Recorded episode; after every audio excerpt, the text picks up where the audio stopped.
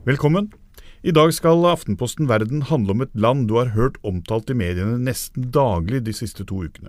Usbekistan, der Telenor gjennom sitt deleide selskap VimpelCom kan ha blitt blandet inn i en betydelig korrupsjonssak. Akkurat den skal vi la ligge her, men heller rette oppmerksomheten mot hva slags land dette egentlig er. Med oss eh, har vi eh, Halvor Kjønn, god dag. Hei. Mangeårig Moskva-korrespondent for Aftenposten. Og Per Anders Johansen har vi med på Skype. Hei, Per Anders. Hei, hei. Som er vår korrespondent i Moskva nå, og som blant mye annet også har et ansvar for å dekke dette landet. Mitt navn er eh, Alf Ole Ask. Halvor først. Hvordan vil du karakterisere Usbekistan? Ja, Usbekistan er jo en etterfølgestat etter Den gylne horde. Altså mongolhordene som kom inn fra det indre Asia og overtok Sentral-Asia og Russland på 1200-tallet. Og når man har det i bakhodet, så vet man egentlig ganske mye om Usbekistan, fordi at den politiske kulturen den har ikke utviklet seg veldig mye siden den gang. Det har vært et uh, asiatisk fødalt land styrt av en herskende familie. Og disse herskestrukturene de har stort sett overlevd både tsarperioden og kommunistperioden. Men dette var også uh, i sovjettiden et av uh, Sovjetrepublikkens absolutt fattigste land. Ja, det har det vært. Men for herskerne så er det jo ikke så veldig farlig hvilken levestandard innbyggerne måtte ha. Og det som var det spesielle med sovjetperioden, var det at så fremt partiledelsen i Usbekistan var i stand til å levere det kvantum med bomull som eh, tekstilindustrien i Sovjetunionen skulle ha, så blandet ikke eh, politbyrået i Moskva seg noe særlig inn i det som skjedde i Usbekistan. Det var overlatt til den lokale eliten. Og den lokale eliten befant seg selvfølgelig i kommunistpartiet, selv om den lokale eliten selvfølgelig ikke hadde noe å gjøre med Hvis man tenker på kommunisme som eh, ja, likhetsidealene til Karl Marx eller noe slikt, i den grad eh, de var genuine. Eh, man kan stille spørsmålstegn ved det òg, selvfølgelig. Men eh, den lokale eliten befant seg i kommunistpartiet, og den hersket akkurat som den hadde gjort i, gjennom siden middelalderen. Per Anders, eh, dette er et land vi hører svært lite om her i Vesten, bortsett da fra eh, at det er en gjenganger i denne Telenor Vimbelkom-saken.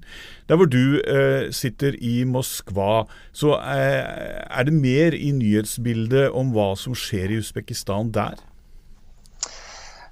Russerne følger nøye med på hva som skjer i Sentral-Asia og i Kaukasus, for dette er jo det myke underliv. og... Russerne frykter eh, at eh, en diktator eh, som, som Karimov vil miste kontrollen. For da mm, kan russerne risikere at en islamsk opprør vil spre seg. Og de setter pris på at han bruker beinhard vold og makt for å holde nede de skal vi si, forsøk på å spre muslimsk fundamentalisme som man har sett flere eksempler på.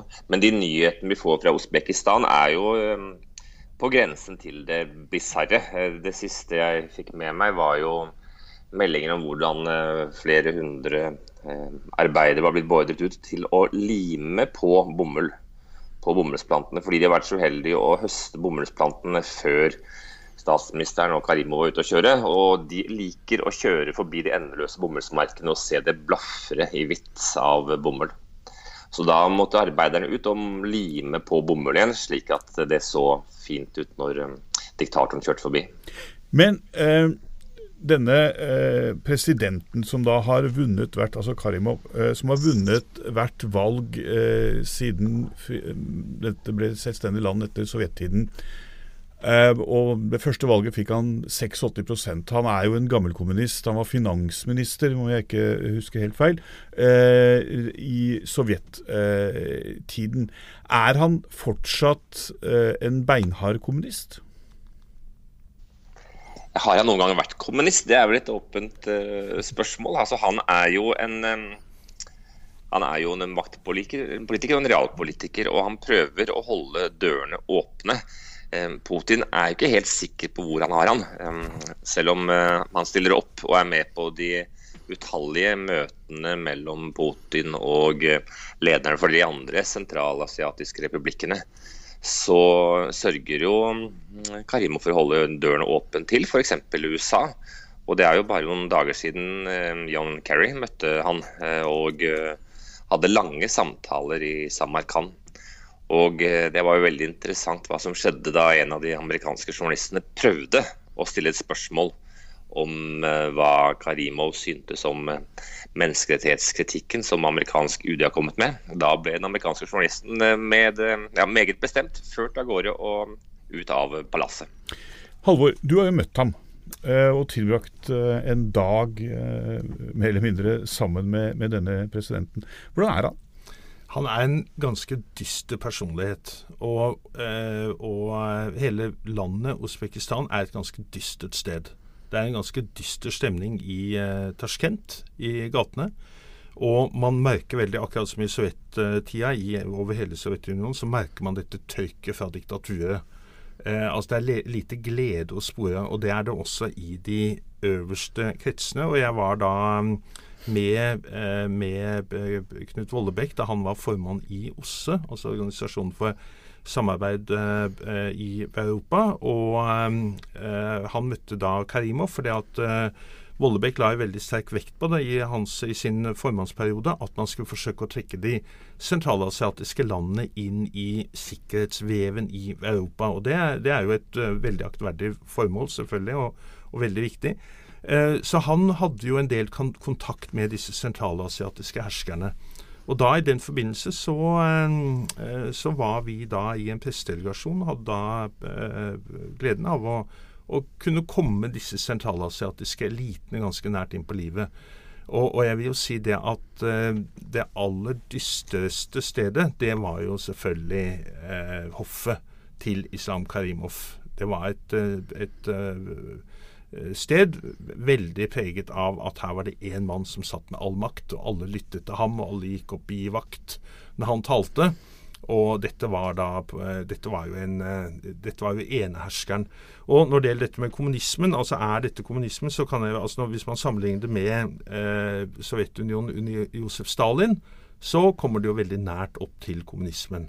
Hvis man sammenligner det med Altså, Vår hjemlige Martin Tranmæl erklærte seg jo en gang på 20-tallet som kommunist. Da, da, er det jo veldig fjernt ifra det. Men, men med, med, Stalin så, så kommer vi veldig, inn på en veldig god sammenligning. Eh, per Anders, du nevnte at Putin ikke stoler eh, helt, eller heller ikke helt vet eh, hvor han eh, har Usbekistan og, og, og dets eh, lederskap.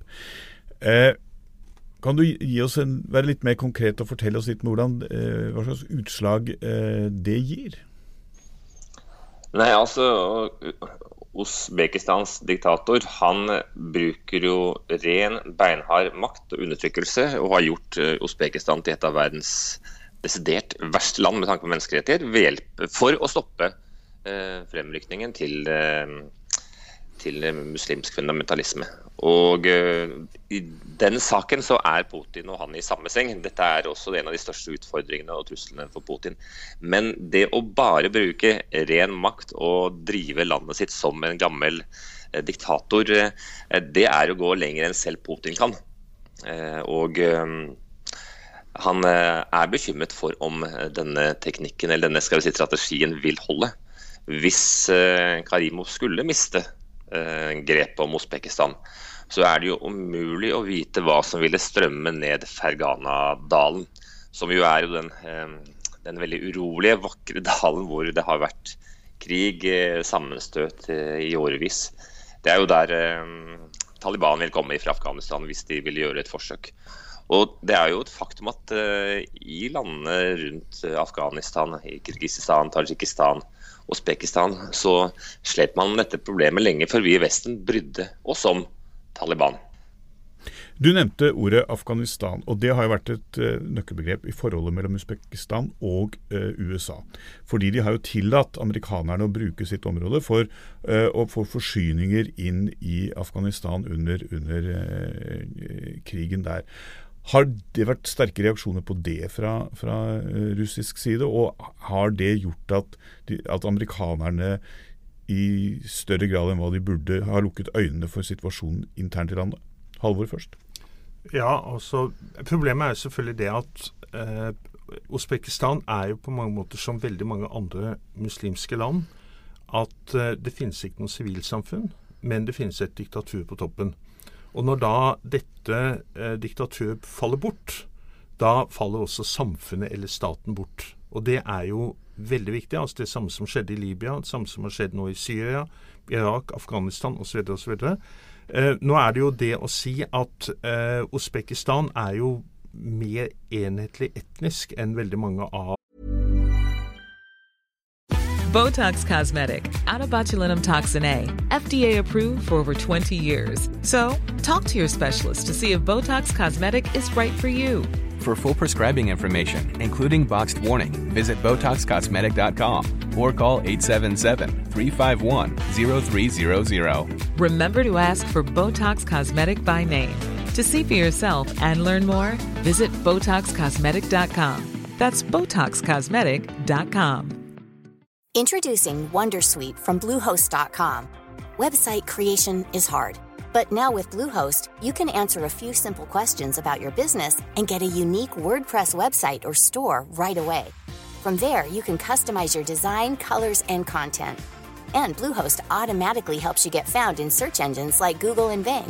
From step-by-step guidance to suggested plugins, Bluehost makes WordPress wonderful for everyone.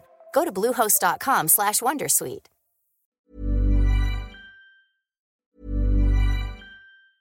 Hey, I'm Ryan Reynolds. Recently, I asked Mint Mobile's legal team if big wireless companies are allowed to raise prices due to inflation. They said yes. And then when I asked if raising prices technically violates those onerous two-year contracts, they said, "What the f*** are you talking about? You insane Hollywood ass." So to recap, we're cutting the price of Mint Unlimited from $30 a month to just $15 a month. Give it a try at mintmobile.com slash switch. $45 upfront for three months plus taxes and fees. Promo rate for new customers for limited time. Unlimited more than 40 gigabytes per month. Slows. Full terms at mintmobile.com. Introducing Wondersuite from Bluehost.com. Website creation is hard, but now with Bluehost, you can answer a few simple questions about your business and get a unique WordPress website or store right away. From there, you can customize your design, colors, and content. And Bluehost automatically helps you get found in search engines like Google and Bing. From step-by-step guidance to suggested plugins, Bluehost makes WordPress wonderful for everyone. Go to bluehost.com/wondersuite.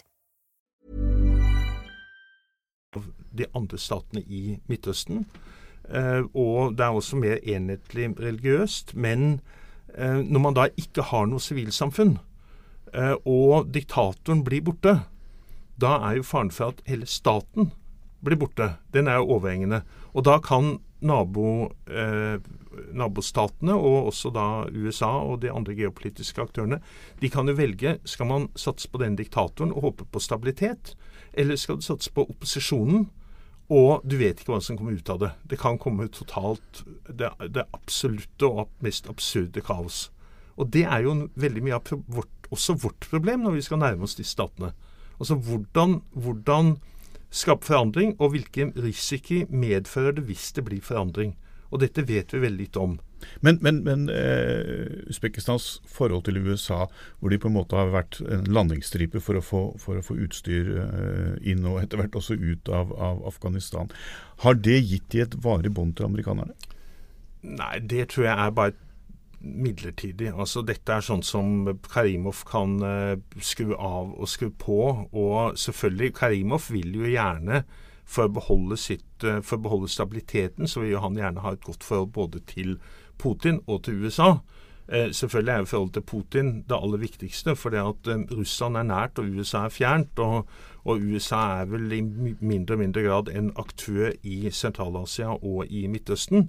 Sånn at, at forhold til Putin er selvfølgelig det aller viktigste, og Russland er i dag garantimakten for stabilitet i dette området. og Jeg, tror, jeg kan ikke forestille meg at USA kan overta den rollen. Man har forsøkt i Afghanistan med, med vekslende hell, men å gå inn, på det, inn i det egentlig postsovjetisk område, det har jo vist seg eh, at det er svært vanskelig. Nå kan man jo undre seg på at vestlige selskaper eh, som Telenor gjennom da sitt russiske VimpelCom går inn i dette landet. Men det er jo tross alt 27 millioner innbyggere der. Og det er et marked som sakte, men sikkert åpner seg. Men gitt disse politiske forholdene. Hvor smart er det for vestlige selskaper å gå inn i, i et slikt marked? Ja, Dette er jo et dilemma. da, for det at uh, Spørsmålet er skal vi da uh, på en måte boikotte disse statene. og Diktaturstater er det jo veldig mange av, og korrupte land er det jo veldig mange av i verden. Skal vi boikotte dem og overlate dem til seg selv? Uh, og Da kan vi være helt sikre på at det ikke skjer noe endring i positiv forstand.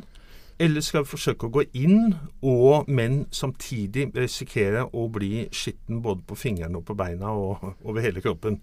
Og, og, og dette, er jo, dette, er jo, et dilemma. Men når man først går inn i et sånt land, eh, og det norske stat sier til norske selskaper at man skal gå inn i denne type land, og så tro at man ikke kommer i kontakt med korrupsjon, det er jo en, altså det er jo en uvirkelig ønskedrøm i eh, russisk næringsliv så er man ikke glad for at Telenor trekker seg ut. Eh, og man ønsker også flere sterke eh, aktører som bidrar til at det er konkurranse om mobilmarkedet.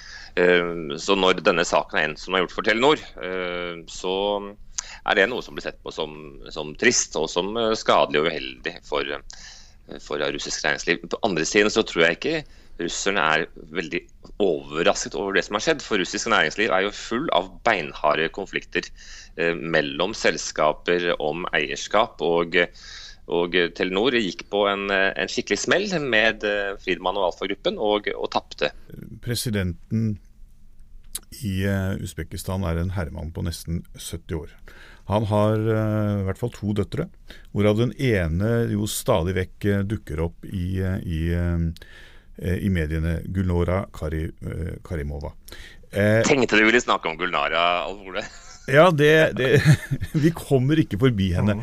Eh, er hun eh, den som skal arve imperiet, og som kan bli landets neste president? Det ser jo ikke sånn ut, da. Det er jo litt uklart hvor hun akkurat nå befinner seg, så vidt jeg har skjønt.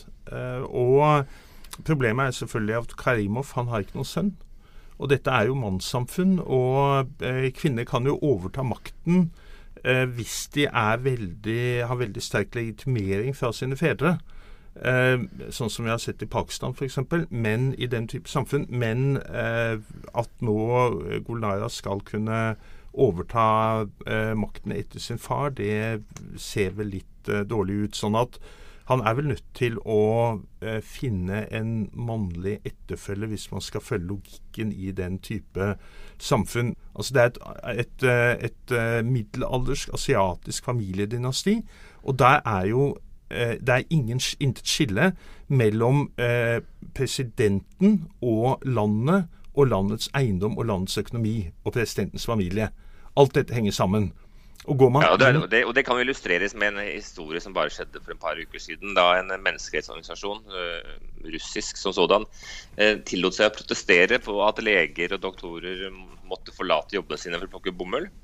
Da ble de to eldre damene tatt inn av politiet. De ble strippet nakne, og så ble det gjennomført gynekologisk undersøkelse på dem av politiet. Uh, altså Du snakker om et uh, helt spesielt samfunn. Mm. Altså En annen måte å se dette på er jo faktisk å tenke som så at OK, eh, vårt mål er jo å tjene penger, og vi tjener penger eh, på hva som helst. det å innrømme en sånn kynisme har jo Telenor og næringslivsminister Trond Giske og Nåværende-regjeringen aldri vært villig til å gå med på. Men det er jo det som er realiteten i det vi her ser. Ja, og Kanskje kunne løsningen vært at norske staten satte opp ei liste Eh, over land eh, hvor det overhodet ikke var noe skille mellom eh, herskerfamilien og landets økonomi, og sagt da at de landene holder vi oss unna. Og da ville jo Usbekistan kommet høyt, høyt på den lista. Men eh, litt tilbake til denne, denne, datteren som jo også dukker opp eh, stadig vekk, og som har fått betydelige penger overført fra Wimbicom og til et postkasseselskap eh, i Gibraltar. Eh, er hun eh, populær i hjemlandet? ja, altså det, det er jo helt umulig å gjennomføre noen uh, meningsmåling. Uh, altså, altså det, er jo, det, er jo, makten som hersker i uh, Usbekistan, og den som sitter med makt til enhver tid, den vil jo selvfølgelig automatisk ha tilslutning fra alle som ønsker å samle seg om makten. Og det vil si det at opposisjonen den er jo enten i utlandet eller i fengsel, eller de er døde. Sånn at dette er jo en helt annen type samfunn enn det vi er vant til. Og det er jo viktig at man har dette i bakhodet hele tiden. Sånn at det at uh, Gulnara Karimova skal være populær, det er jo uh, ja, altså, Det er jo mange diktatorer som har vært populære til mange tider. altså Folk gråt da Stalin døde. Så, så, det er vel sikkert mange som i Usbekistan som vil gråte den dagen Islam Karimov uh, også, uh, også, går bort. Eh, sånn at det, det oppstår på et sånn, etter vår oppfatning merkelig, eh, merkelig forbindelse mellom diktatoren, eh, altså det, mellom den herskende og, det, og, den som blir hersket over. Og, og Legg merke til én ting, og det er også typisk for den type diktaturstater, at eh, eh Gulnara Karimova hun kan alt. Altså Hun er et universalgeni. Hun er utdannet ved Harvard, hun er utdannet i matematikk. Hun har da gått uh, ja, vært FN-ambassadør, uh, ja. vært ambassadør i, ikke sant? Og så er hun da popstjerne og driver med parfyme og smykkeframstilling og er selvfølgelig ekspert på eh, hvordan staten skal styres, osv. osv. Eh, helt til slutt, eh, Per Anders. Din forgjenger eh, Steinar Dyrnes fortalte meg at han søkte gang på gang om, i sine år som korrespondent om å få visum til eh, Usbekistan, og fikk det ikke. Du eh, ønsker også å dra dit. Eh, har du fått noen signaler om du som norsk journalist får visum? Nei, det er flere som har fått avslag i det siste. Det er jo bare å prøve på nytt. Eh, og så får man jo kanskje dra dit som turist og heller oppsummere sine inntrykk i en eller annen bok eller en eh, artikkel senere. Eh, men de har festet grepet, og ja, det er bare synd, rett og slett. Men det sier jo også en del om dette samfunnet. Men vi går glipp av en forståelse. og det er klart at eh, For å prøve å være veldig forståelsesfull, her sitter vi og snakker uh, veldig kritisk om Karima. Men det er jo vanskeligere for, for oss å forestille oss en del av de utfordringene som det landet som sådan står utover, står utover der det ligger nå.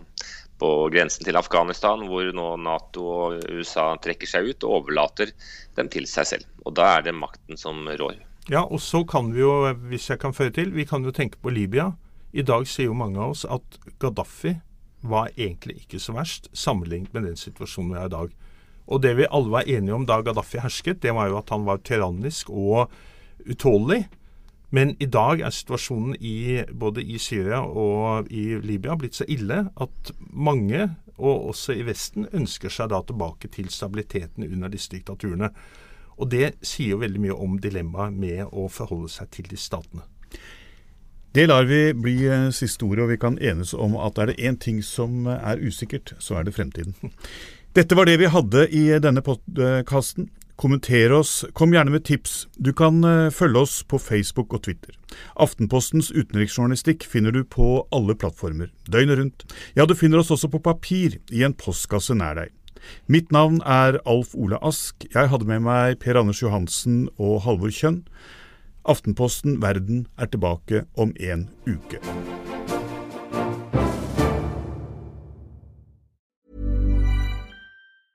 Spring? Is that you? Warmer temps mean new Allbirds styles. Meet the Superlight Collection, the lightest ever shoes from Allbirds, now in fresh colors. They've designed must have travel styles for when you need to jet. The lighter than air feel and barely there fit makes these shoes some of the most packable styles ever. That means more comfort and less baggage. Take the super light tree runner on your next adventure. Its cushy, lightweight foam midsole supports every step, and the extra outsole traction gives you the grip to just go for it.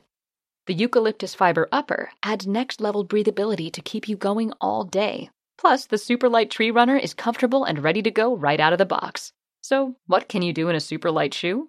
What can't you do is the better question. And because they're super packable, the real question is where are you taking them?